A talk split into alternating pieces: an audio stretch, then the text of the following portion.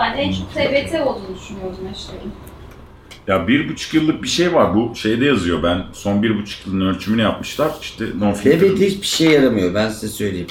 Ama Yani pazarlama... mesela diyelim ki İzlanda'dan bir TBT bir deniz fotoğrafı paylaşmışım. Aa hocam İz- İzlanda'da mısınız? Yazarın yolculuğu da çok oldu. Ama o yani bizim ülkenin şeyidir o ya. TBT'yi It's the good to me, TBT, could follow, follow me, no filter var, smile, friends, fun, like, fashion. Instagram sponsorluğunda gerçekleşen programımıza katıldığınız için. Benim Evet. şurada bir tane kütüphanem var. En sağdaki baya böyle tıklım tıklım bir kütüphane o farkındaysanız. O kütüphanenin içindeki özellik şu. Mesela orada felsefe terimleri sözlüğü var. Sözlükleri değil. Tasavvuf terimleri sözlüğü var. Deyimler sözlüğü var. Deyimler sözlükleri var. İşte Keban Baskil yöresi ağızları da var. Turizm terimcilik terimleri sözlüğü de var. Kitap e, terimleri sözlüğü de var. Kaynak. Osmanlıca sözlüğü de var. Fransızca sözlüğü. Yani sözlük kütüphanesi orası ve en sevdiğim kitaptaki bölümlerden birisidir. Mesela çok yakındır değil mi bizim bu hayatımıza giren, sosyal medya ile giren kelimelerin olduğu bir sözlük olması lazım artık. Ve bunları çok yani günlük kullanımımızda aşırı kullanıyoruz. Yani mesela stalk'un Türkçesi var mı artık? Yok. Henüz yok. Takipçi sapık gibi çevriliyor ya bir de. Yok çünkü şeyde de ilkokul seviyesinde Ama- İngilizce konuşmayan çocuklar da stalk'a Ama stalkluyor. stalk müessesesi diye bir Hmm. müessese var artık yani mesela. Stalk ifşa. Hmm. Yani 7-8 yaşından itibaren şeylerin çocukların hayatına giren Hashtag. bütün dünyada aynı anda öyle. Hashtag. Hashtag o kadar kıymetli değil. Stalk ifşa çok önemli. Yani şeyin ilkokulda daha hayatlarında hiç cinsel bir şey yokken bile işte çirkin suratlı fotoğrafını yakaladığında onu paylaştığında bir arkadaşının ifşa oluyor onun adı. Hı hı. Ve dünyanın her yerinde böyle şu anda yani. Şeyde de Amerika'da da böyle, Türkiye'de de böyle. Ya mesela şu anda diyelim ki genç bir arkadaşımız terapistik yapıyor ya da yaşlı bir beyefendi psikoterapistik yapıyor. Tinder'ı bilmeden, Apple'ı bilmeden terapistik yapmasın yani. Stalk. Sağa kaydırma, sola kaydırma. Yani- Sinsice izlemek diye çevirmişler. Sinsice. Ben de takipçi sapık diye olayım. Sinsirelli diyelim o zaman. Evet. Ya çok bu hayatımızın bayağı sos, sosyal medya dediğin şey aslında sosyal hayatımızın içine girdi böyle çok girift. Yan yana. Çok canım. Yani bu bir Şimdi şey... mention sonda yazmışsın arkadaşlar diye trip atıyorsun mesela. Bana yazmamışsın, kendi takipçilerine söylemişsin bana cevap yazacağını demek işte o mesela Twitter'da. Tartışmayı başlatırken sen önce seyircini çekmişsin. Jargonu var, görgüsü var. Abi bence var. yani çok ente... yani takibe takip de çok acayip bir şey bence yani. O süperleşlik, o, sa- o acı nasıl bir şey ya? O Ya şey. acı nasıl ama Yani bir kelime artık. Öyle yani. Evet, bu artık bir bir deyim yani. Takibe takip Şeyi yani. var onun. E, LFL galiba. Like for like. Ha, Onu İngiliz. yazdığı zaman sana yani sen de beni like etmek istiyormuşsun Evet. mesela. Bir de mesela like etmemeyi burnu büyüklük olarak algılıyorlar. Hmm. Kimler? Liker'lar. Gençler mi? Daha yoğun kullananlar Yani, mı? yani yol kullananlar yani her şeyi like etmiyorsan girmiyorsan sen orada burnu büyük takılıyorsun sosyal medyadasın ama Bunun bir benzeri de Facebook'ta var. Belli bir jenerasyon üstü teyzeler mesela Facebook'ta fotoğrafını like etmeyince seni kınıyor. Facebook'u zaten o teyzelerden başka kimse önemsemiyor. Ama onlar Evet. Facebook'u face diyorlar. evet. Facebook demiyorlar. Face diyorlar. Face'e girdim. Instoş diye bir laf var bir de. Instoş. ben bunu çok duyuyorum. Instoş ne? Instoş. Ben ilk kez duydum. Instoş. Instagram değil zaten. Türkiye'de genellikle Instagram. Onu da bilmiyorum. Insta. Insta var. Instoş. Insta uluslararası ama kullanılıyor kısaltma. Insta. Insta. Instant çünkü şey Instant Cam'den geliyor ya Instagram şeyde. Ya ben- söyleyeyim. Bu dahilem yapabilir miyim hocam? Müsaadeyle artık dahilem yapayım. Ya tam bir, ya şu konuştuğumuz şey baya böyle idrak yolları iltihabı yani tam bence. Ya bunlar da üzerinde çok çalışılası, konuşulası şeyler aslında. Ne oluyor, ne bitiyor. Yani bence küçümsenecek konular değil. Sos, mesela sosyologların falan ciddi bu konularda artık yavaş yavaş çalışıyor olmalarını beklerim. Ya zaten hani like oranıyla dopamin oranının artışını ölçmeye başladılar diye biliyorum. Yani dopamin seviyemizin artışıyla like Ya zaten şöyle kendimizi 3 dakikalığına ünlü ya da beğenilen biri hissetme arzusunu inanılmaz destekleyen yapılar bunlar. Yani eskiden işte albüm evde olurdu. Evle, düğünden sonra aileler gelirdi, gösterirdik. Ay çok güzel çıkmışsın. Ay, Artık herkesin kendine ait bir albümü var. Ve herkese açık, kamuya açık bir albüm yaratıldı yani. Aslında tekrar, bir şeyin tekrarı yani. Daha nostaljik duygu. Evet ama mesela şöyle de bir şey yaşıyorum ben. Mesela ilk internet hayatıma girdiğimde ben çocukluğumdaki hayalimi bulmuş gibiydim. Böyle yani sonsuz kitapla dolu bir kütüphaneye artık sahibim. Hissi bana çok iyi gelmişti böyle. Fakat şimdi şimdi bakıyorum da e, bilgi mi, informasyon mu çok alıyorum. Derinlikli ve uzun okumalarımızı azalttı. Çok süratle ve zıplayarak bir şeyleri anlamaya, kavramaya çalışıyoruz. İşte video şu kadar uzun olmamalı, şu kadar kısa olmamalı, derinleşmemeli. Derinleşmekten de bizi, yani kötü demiyorum ama iyi tarafı kadar garip bir şekilde zihnimizin çalışmasını engelliyor. Ray Bradbury'nin bir hikayesi vardı. Ee,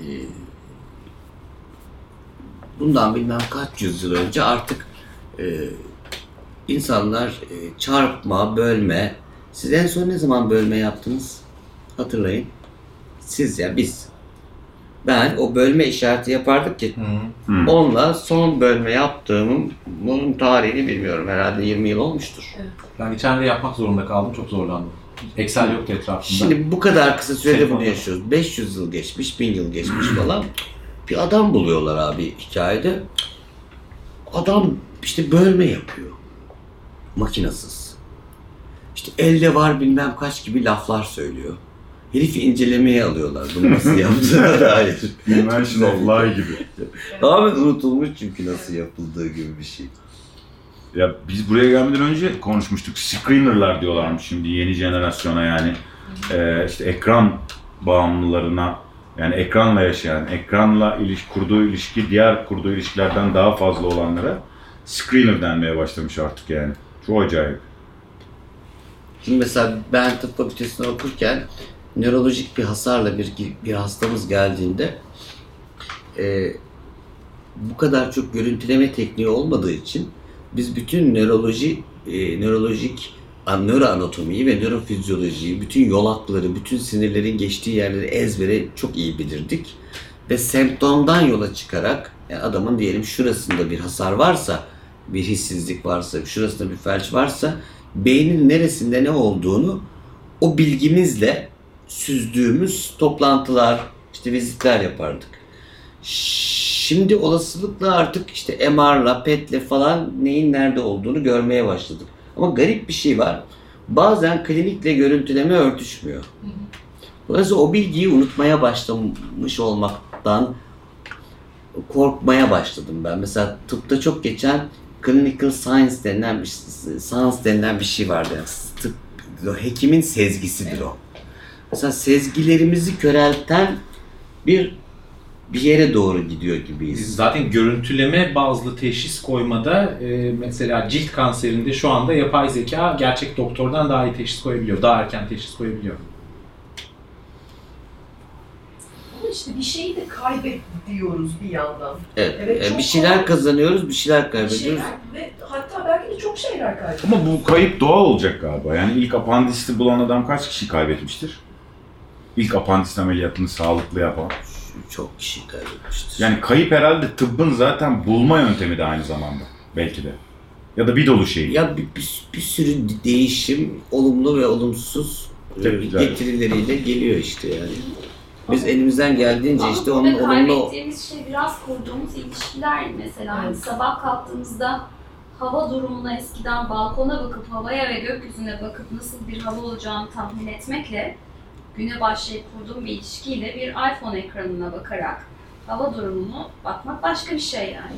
çok başka bir şey hem de. Dahası zaten artık görüp tahmin edeceğimiz bir gökyüzü de pek göremiyoruz. Evet. Orada bir kopukluk var. Bizim o bizim yayladaki bir hikaye anlatırım ben. Daha evvel anlattım ama diyaloglarda ben onu hiç. Ee, bizim Akçabat'ın bir yaylası var. Hıdır Nebi yaylası diye. Ama adını öğrendiniz diye hemen gitmeyin. Yani Sallı gönüle dönmesin. ya gidin de böyle Bıdır efendi, Levi, bıdır. efendi gibi gidin. Yani öyle oralarda ev mev yapmaya kalkmayın. Ee, zaten neyse ki yaptırmıyorlardı en son. Ee, çok hoş bir yer. Hakikaten bulutları yukarıdan falan izliyorsun. Ee, bir keresinde böyle yerde çimenlerin üzerinde aşırı güzel bir çiçekler gördüm. Ee, ve böyle eğildim yani. Neredeyse öpeceğim yani. O kadar güzel. İşte oradaki bir hemşerime de böyle bu tatlının adı ne dedim ya. Bu, bu nedir ya? Bu güzellik ne dedim. Böyle yaptı bana. Var git dedi. Dedim bu ne kadar güzel bir şeydi. Niye bana var git diyor ki dedim. Adı mı var? Var git çiçeğin adı. Var git çiçeği.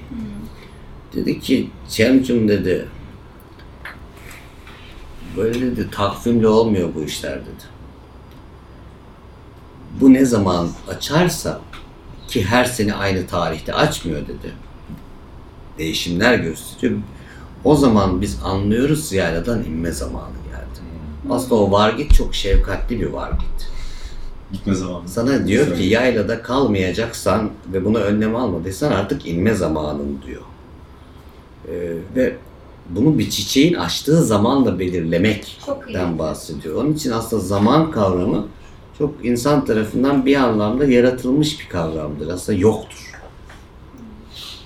Yani bayağı geniş bir konudur ama yani. Çiçek vereceği cevap üzerinde Yaratılmış bir şeydir zaman. Ne zaman gidelim? Ama yani böyle isim koymak, bana söyleyeceği şeyin adını koymak enteresan. Yani uzun süre doğada olduğunuz, saatinize ve günün tarihlerine hiç bakmadığınız ta- tatiller, zamanlar geçirdiyseniz bir süre sonra sevgisel olarak bir şeyleri çok daha doğru yapmaya başlıyorsunuz. Sanırım o bağ. Gerçek Özdeki bağ bağ. kurmaya başladığınız Geçenlerde bir arkadaşım bana şeyi söylüyor. Rüzgar şu taraftan esiyor demek ki şu yüzden böyle falan. Ben de şey dedim. Ben şu anda İstanbul'dan yeni taşındım ya. Rüzgarın estiğini fark etme evresindeyim. Henüz rüzgarın yönünü tahmin etmem mümkün değil. Aa esiyor. Şu anda o kadar. Rüzgar. Rutubet az ya. İşte karayel mi esiyor? Tabii bilmem tabii direkt yani oturduğu yerde rüzgarın yönünü hissediyor adam çünkü açık şeyleri yani ona göre hayatını ayarlıyor, ona göre çiçeklerini bahçede değiştirdiği şeylere bakıyor. Yazarın yolculuğunda bir çalışma yaptırıyor. Mesela orada da aslında böyle bir anda her şeyle nasıl linklenebiliyorsun. Etrafında neler oluyor ve çok basit bir şekilde yani. Bunu mesela seziyorsun ve sende yarattığı duygu ve içeride uyandırdığı şeyler paha biçilemez. Bu mindfulness şey. denilen şey galiba biraz. Türkçesi var mı hocam? Anda kalmak değil ama tam değil. Mindfulness tam Türkçesini ben bulamadım. Yani be- benim Yani şu anda biraz da moda o Hı. ve yani genel bizim gibi çok hızlı başka bir sürü şeyle televizyon, telefon yüzünden senkron yaşayan insanların büyük yaşadığı Bir problemleri yerde, tek çözmesini yerde, biliyor tek gibi. anda, tek şey. Yani ne yapıyorsun, neredesin ve etrafında ne oluyor? Gel oraya, oraya odaklan, orada ol. Galiba şeydi, sohbet ve muhabbet de bunu çok kolaylaştıran ve sağlayan bir şey. Birileriyle konuşurken başka bir yere kolay kolay gidemiyorsun. Hani birinin anlattığı bir yere gidiyorsun ama hep kısa süreli gidip geliyorsun böyle, kafan gitmiyor. Aslında bol bol işte başkalarının hikayelerini izlemek, okumak, hikaye yazmak, hikaye anlatıcılığı. Onun için mesela artık böyle TED'lerde falan da yapılan konuşmalar aslında storytelling yani. İyi hikaye dinlemek, başkalarının gerçek hikayelerini dinlemek, uydurulmamış hikayelerini özellikle dinlemek ya da iyi hikaye uyduran edebiyatçıların hikayelerini okumak ya ihtiyacımız daha fazla şimdi. Sanal hayat arttıkça belki de gerçeğe olan tutkumuz ve özlemimiz de artıyor bir taraftan. Belki de bunun için çırpınıyoruz. Şimdi şöyle bir şey var, trend var. Ee, doğaya kaçış e, bir moda. Bu kaçışı gerçekleştiremeyen insan için de bunun pornosu çok kıymetli. Kamp malzemesi satın almak ya da kamp fotoğraflarını takip edip likelamak. Şimdi yayla fotoğrafları, işte Kars turizminin bu kadar popüler olması Evet. bütün kış. Yani bu moda olan bir şey. Herkesin içinde çok yükseliyor kesinlikle. Ya ben Sebebini doğa- bilemiyorum. Şöyle söyleyeyim yani doğayla iç içe bir adamı e, bir köylüyü gördüğümde bu adam doğayla iç içe doğayı çok seviyor gibi bir kılık kıyafet içinde görmüyorum. O kılık kıyafet bana gerçekten çok pornografik geliyor yani. Aynen. Yani öyle değil bu işler. Ama trendin beslendiği şey de biraz o galiba. Tabii tabii çünkü gidemediğinde de e, bir satın alıp o hazırlığını yaparak bulaşmış oluyorsun. Ee, şeyle biraz bağlıyoruz bunu yani belki Türkiye'nin şey bir özel durumu da var. Hani konuşmanın başında söylediğimiz içinden çıkamadığımız bazı kaygılar, e, çok dertlenmek ve hiçbir çözüm bulamamak gibi şeyler de en basit çıkış yollarından bir tanesi bu. Yani nefes alabileceğini biliyorsun oraya giderken ya da gidersen. Ama e, şey çok e, gerçek ve yavaş yavaş da ben yaklaşılacak belki de oraya. E, teknolojinin ilerlemesiyle olan şeyler belki de doğal. Evet, yapay zekanın doktorluğa başlaması, doktorluk mesleğinin makineye geçmesi, bütün kodları zaten makinenin yazması, bölme işlemi diye bir şey bir insan hiçbir zaman yapmayacak olması vesaire. Belki de çok doğal bir süreç. Çünkü insan böyle bir şey. Ee, ama şu bir gerçek, son 100 yılda yaşadığımız şeyler çok sıkıştırılmış şeyler ve ondan önceki binlerce yıllık şeyleri çok hızlı silmiş ve sanki hiç yokmuş zannettiğimiz şeyler. Abi bilgisayarsız dönemi hepimiz biliyoruz ya. Evet. Cep telefonsuz da biliyorum. Cep telefonsuz biliyoruz. Bizim yaşımızda oldu yani bunlar. İnternetsiz dönemi biliyoruz. E, akıllı telefonsuz dönemi Evet. biliyoruz. E, Instagramsız dönemi. Bunların hepsi bizim üzerimizden bu süratle geçti yani. Ben şeyde takılıyorum ya. Yani bu gitme arzusunu falan şey yapıyorum da bu belgeleme ihtiyacımızın artışı hepimizde neden? Yani bunu Gerçekten mi soruyorsun? Evet evet yani ben mesela Kendine sor işte ne- sen neden yapıyorsun? Benim hoş, hoşuma gidiyor. belgelemek, E, hayır, fotoğraflamak. paylaşıp geri bildirim almak. Ben insanları takip ederken de şeyi çok şaşırıyorum mesela. Ay işte onu paylaştığında şunu yapma, ya işte şu- aslında şöyle ilgi istedin herhalde o yüzden şöyle yaptım, böyle yaptım falan anlatıyorum bana sapık gibi bakıyorlar. Kimse bunun farkında değil mi oluyorum ondan sonra. Bu yüzden yapıyoruz işte o birazcık dönsek kendi şeyimize, içgörümüze. Herkes de o yüzden kullanıyor. Aslında bu belgeleme ihtiyacı da çok büyük bir alan aslında. Şimdi Yani bak benim içerideki bir kütüphanemde sadece defter dolu. Bu defterlerin %70'i dolu. %30'u da yarı doluyla boş arası yani böyle sirküle olan bir defter hali var. Hala kullanıyorum da defter. Şu an önümde de böyle bir defterim var hatta bak yarısı boş yarısı dolu falan bir defterdir. İşte bazı defterler var. Almışım abi. Ajanda olarak almışım defteri. O gün ne okutmuşum? Ne seyretmişim? Festivalde hangi filmi izlemişim? Başka neler yaşamışım? Başka neler not almışım diye. Defteri 365 gün doldurmuşum. Böyle 5-6 tane defterim var benim. O zaman sosyal medyada paylaşmıyorum. Bu arada bu defteri de göstermiş olduğum kimse de yok. Benim kendi ayak izlerim. Yani böyle kullan mesela ben Instagram'ı da böyle kullanmayı çok seviyorum. Kendi ayak izlerim. Kendime not alıyorum. Siz beğenin beğenmeyin. Ben kendine bayağı- iz bırakıyorsun. ben kendime not alıyorum, dönüyorum. Mesela bir romanım şöyle yazıldı benim ya. Bu defterlerden birine hiç unutmuyorum. Bir arkadaşımla otururken o yaz, o da yazardı, ben de yazarım. Oturduk, yazardık. Yine bir yerde bir buçuk iki sayfalık bir metin yazmışım. Altına da hep nerede yazdığımı ve tarihini atarım ben. Unutmamak için. Aradan geçti, üç, geçmiş 3-4 yıl. Ben o e, defterlerimin olduğu e, kütüphaneden bazen pat diye bir defter çekerim. Mesela burada alalım, çekelim bir tane. İşte biz burada bir karalamalar çıkar, o da o gün yaptığım bir şey çıkar. Bir tane bak mesela bu en son tatilde bir şey karalamışım, o çıkar. Anladın mı? Bunlar tatlıdır, illa bir şey olması gerekmez. Böyle bir buçuk iki sayfalık bir metinle karşılaştım. Ne yalan söyleyeyim ukalaca gelecek size ama yazdığım metni çok beğendim. Vay anasını dedim ya. Hatırlıyorum da metni yazdığım anı, duyguyu bilmem ne fakat dedim iyi yazmışım yani. Sevdim yani metni. Bazen de ne lan bu dersin. Bilirsiniz yani yazmışsınızdır ve cılızdır. Bunu sevdim. Sonra defteri masamın üzerine bıraktım. Akşam geldim bir daha okudum. Ertesi gün abi metin kafamda devam etmeye başladı. Hani böyle e, kazağınız sökülür de ip verir ya, ip vermeye başladı. Roman oldu arkadaşlar. O iki sayfalık metin dört yıl sonra roman oldu. Ya ben o ayak izimi oraya bırakmamış olsaydım belki oradan yürümeyecektim. Yani benim gözümde mesela Instagram ben Instagram'ı daha çok böyle kullanıyorum.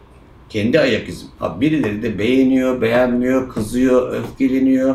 Ben onları düşünerek bir şey yapamam. Ama kendi ayak izlerimi bırakmak e, bana verimli geliyor.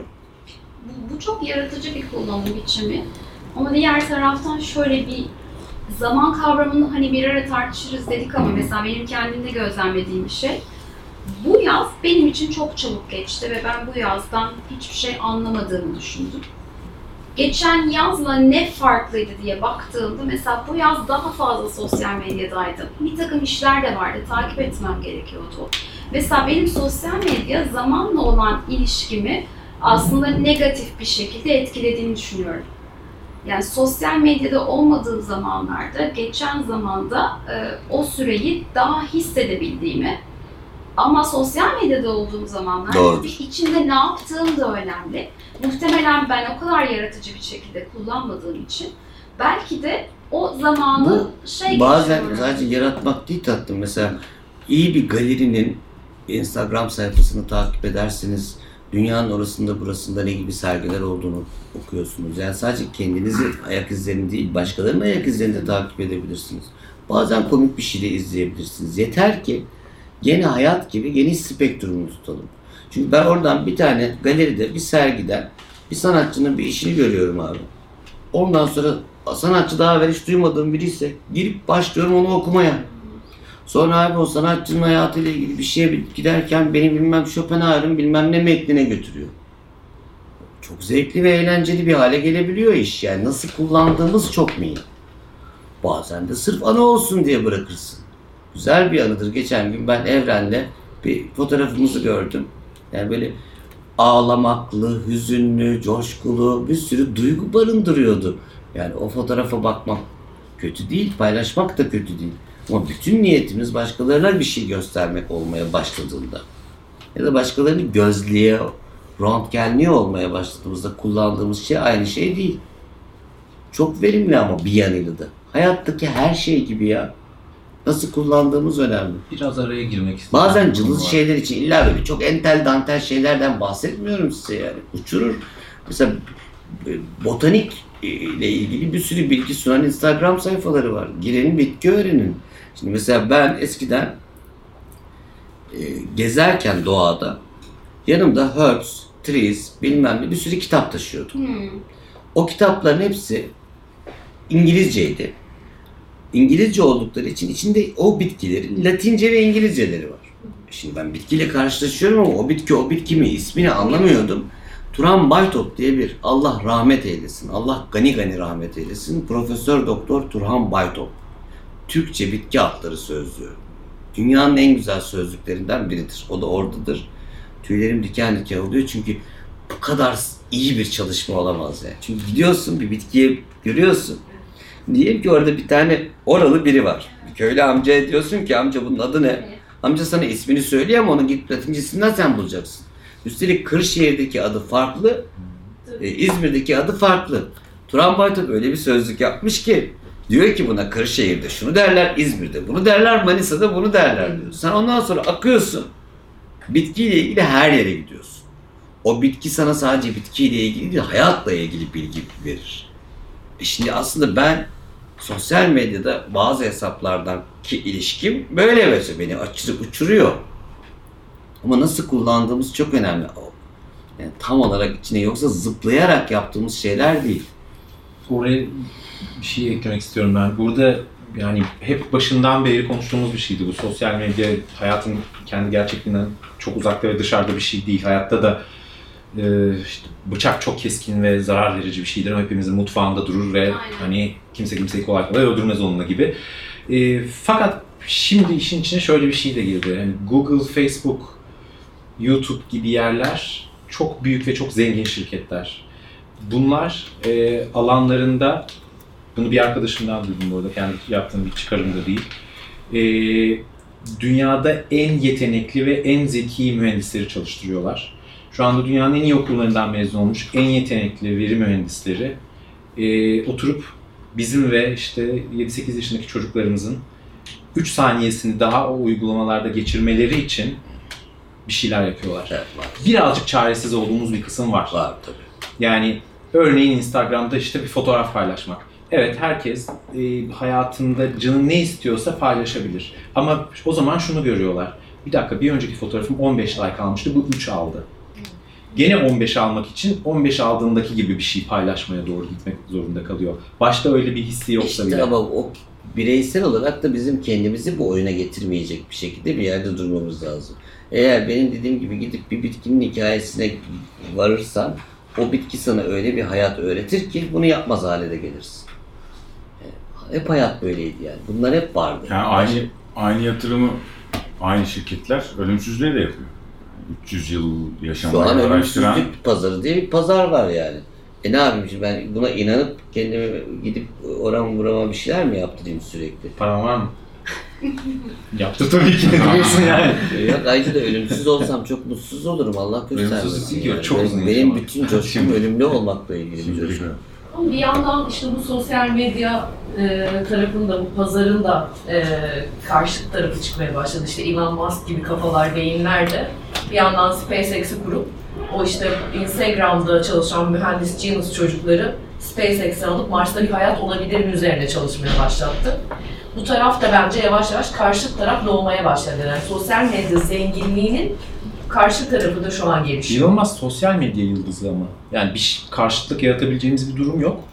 Ee, gerçekte para kazanmayan şirketlerini sürekli böyle manipülatif muhabbetlerle değerli hale getiren ve gittikçe de havası sönen ve gittikçe insanların daha fazla hey bir dakika ne oluyor Tesla dedin Model 3 hala çıkamadı piyasaya kapı panelleri yanlış takılıyor arabaların falan gibi artık çok fazla eleştirmeye başlanan birisi. Abi kahraman olmaya soyundu ve oynadı. Ee, oradan bir şey çıkmayacak ama bana kalırsa. Şu risk var tabii yani hızla ilgili, zamanla ilgili. Şimdi adam 45 yıldır kılıç ustası. Çeliğe su veriyor ve kılıç yapıyor diyelim.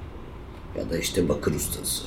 Şimdi adam 45 yıl sonra dünyanın belki de en iyi ustası ve onu tanıyan sadece kendi alanındaki belki 100 kişi ve çok kıymetli. Hatta öyle adamları bulursanız yanından ayrılmayın. Yani adamın ağzından çıkacak bir cümle hayatınızı değiştirir. İlkokul mezunudur belki de. Çok kıymetlidir. Şimdi 45 yıllık bir hikaye yazan adamın yaşamını kurduğu derinlikli mesele başka bir şey. E işte sosyal medyada paylaşınca hemen aldığın bir haz var ya, küçük işte senin dopamin dediğin minik haz. Bizi derinlikten, derinleşmekten ve patern halinde kendi destanımıza giden yolda yürümekten, zorlanmaktan uzak tutuyor. Bir de onu kolaylaştıracak işte çabuk tırnak içinde like almak, e, çabuk beğenilmek, çabuk tepki almak gibi şeyler uzun soluklu şeyleri yazmamızı, çizmemizi, onların peşine düşmemizi engellerse diye ben de korkuyorum. Benim e, aklıma başka bir şey takıldı. Biraz konudan dışarı olacak. Demin e, söyledin ya e, işte Instagram'dan bir serginin fotoğraflarına bakıp işte oradan oraya gidip oradan oraya gitmek hani evet birbirine çok bağlantılı. Ama e, bilgiye bu kadar kolay ulaşmak çok kolay ulaşıyoruz abi. Bilgi değil bu bu. Bu sadece informasyon. henüz. Ya informasyon Ben bu informasyonu alıp onu bilgiye doğru, daha sonra sezgiye doğru götürmeye başladığımda iş yapmış olur. Bu da informa, informasyon. Malumat. Malumat furuş derler ya eskiler. Malumat furuş mesela hiç olumlu bir laf değildir biliyor musun? Ya bırak şu malumat furuş adamı denir. Herif halbuki çok malumatlıdır ya. Sıkıcıdır ama. Derinlikli bilgisi yoktur. Çünkü. Bu malumat, information. Bilgi kıymetli. Evet işte bu kadar kolay ulaşmak aslında bilginin kıymetini düşürmüyor. Bence şimdi Bilgiye ulaşmadın ki ama malumata ulaştın. Daha malumata ama işte ulaştı. Düşündüğü, düşündüğü yani baktık ve orada yazılanlar aslında baktığınız zaman sonrasında gidip evet ben bunu kitaptan araştırayım artık çok zorluk oluyor çünkü e, ben çok çabuk ulaşabiliyorum istediğim informasyona. Sonrasında Onun bunu- information olduğunu, informasyon olduğunu, malumat olduğunu, gerçek bilgi olmadığını bildikçe bilgiye doğru yürüme, ona bakma, e, sonra da bilgiyi aldıktan sonra kendi içinde evirme, çevirme, hayatına katma, başka bir şey yapma meselesi tamamen seninle ilgili. Bize sunulan her şeyi, onunla ne yapacağımız, bakın şu elma şimdi koy, konmuş önüme de. Şimdi, elma deyince yani ben elma ile ilgili çağrışımlarımı anlatmaya kalksam, bilgilerimi anlatmaya kalksam, ben elma uzmanı değilim ama İşte bahsedersin işte golden, gold, golden mı diyorlar ne diyorlar? Evet, golden. Yeşil golden elma. İşte efendim Amasya elmasından girersin. Bildiklerimi sayarım. Elma ağaçları ile ilgili bildiklerimi sayarım. Sonra elma ile ilgili anılarımı sayarım. Elma şekerine giderim. Ondan sonra kırmızı başlıklı kıza giderim. Giderim Adem orada. Havva'ya kadar Adem ve. Havva'ya kadar giderim. Elma bu. Reçelini biliyorum. Değil mi? Ondan sonra e, bazı yemeklere ve salatalara katılabildiğini biliyorum. Ben Steve size bir tane daha şey söyleyeyim şimdi. Elmacık diye bir şey vardır biliyor musunuz? Hiç duydunuz mu? Kemik mi? Elmacık kemiği Yer, değil. yer elmaları var onda. ondan. Yer elması var. E, elmacık kemiği değil. Elmacık diye bir hadise vardır Anadolu'da mesela. Biz size bakın hüzünlü bir şey anlatacağım elma üzerinde. Anlatayım mı? Anlatayım. Var çünkü öyle bir şey. Prolapsus diye bir şey vardır. Kadınlar yaşlanırlar.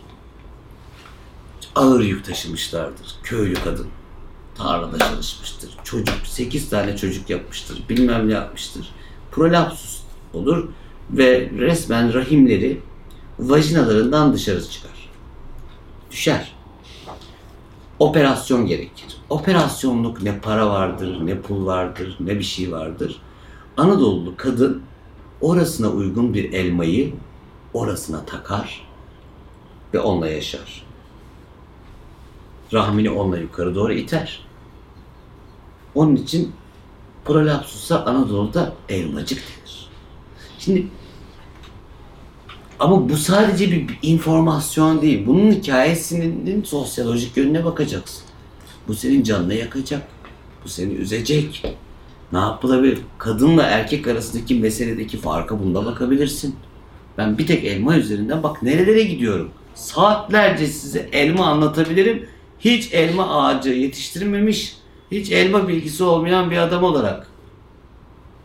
Onun için o sözlüklerde informasyondur. Sözlüğü okuyup ne yapacaksın? Ama mesela orada Anadolu'da sağlık değişleri sözlüğü diye bir sözlük var. Girelim elmacığı okuyalım. Aa buna elmacık diyorlarmış. Ne ilginç diye bunu Instagram'a koymak. Başka bir şey. Bu meseleyi kıçına sokup ulan burada bir dert var demek başka bir şey. Nasıl kullandığın önemli. İşte onu e, daha zorlaştı, zorlaşan bir şey oldu artık. E, Çünkü daha kolay ulaşabildiğim bir şey onu anlatmaya çalışıyorum aslında. Daha kolay ulaştıktan sonra artık bu daha zor geldiği O için ulaştığın şeyi bir bok zannettiğin işte için daha kolay ulaştığın aslında. zannediyorsun. O ulaştığın şey henüz bir bok değil. O ulaştığın şey henüz üzerinde sıçrayacağın bir malumat. Malumat üzerinde sıçranacak bir şeydir bence. Onun için de sürekli malumat sunan adamın sohbeti, muhabbetinde zaten sevmeyiz, sıkılırız. Malumat furuş da onun için çok da olumlu bir şey imlemez kafamızda. Anladın mı Mehmet? Ben de- bence burada minik bir ara verelim. Biraz yorulduk çünkü son bölüme geliyoruz. Bir tazelenelim. Enerji Bak biraz- mesela kaza önüme elma düşmüş. Elmadan verebiliyorsun örneği. Bakarsan elma buna da yarıyor. E, şarap yapıp sarhoş da olabilirsin elma şarabıyla. Değil mi? Kesinlikle öyle. Hadi ara verelim.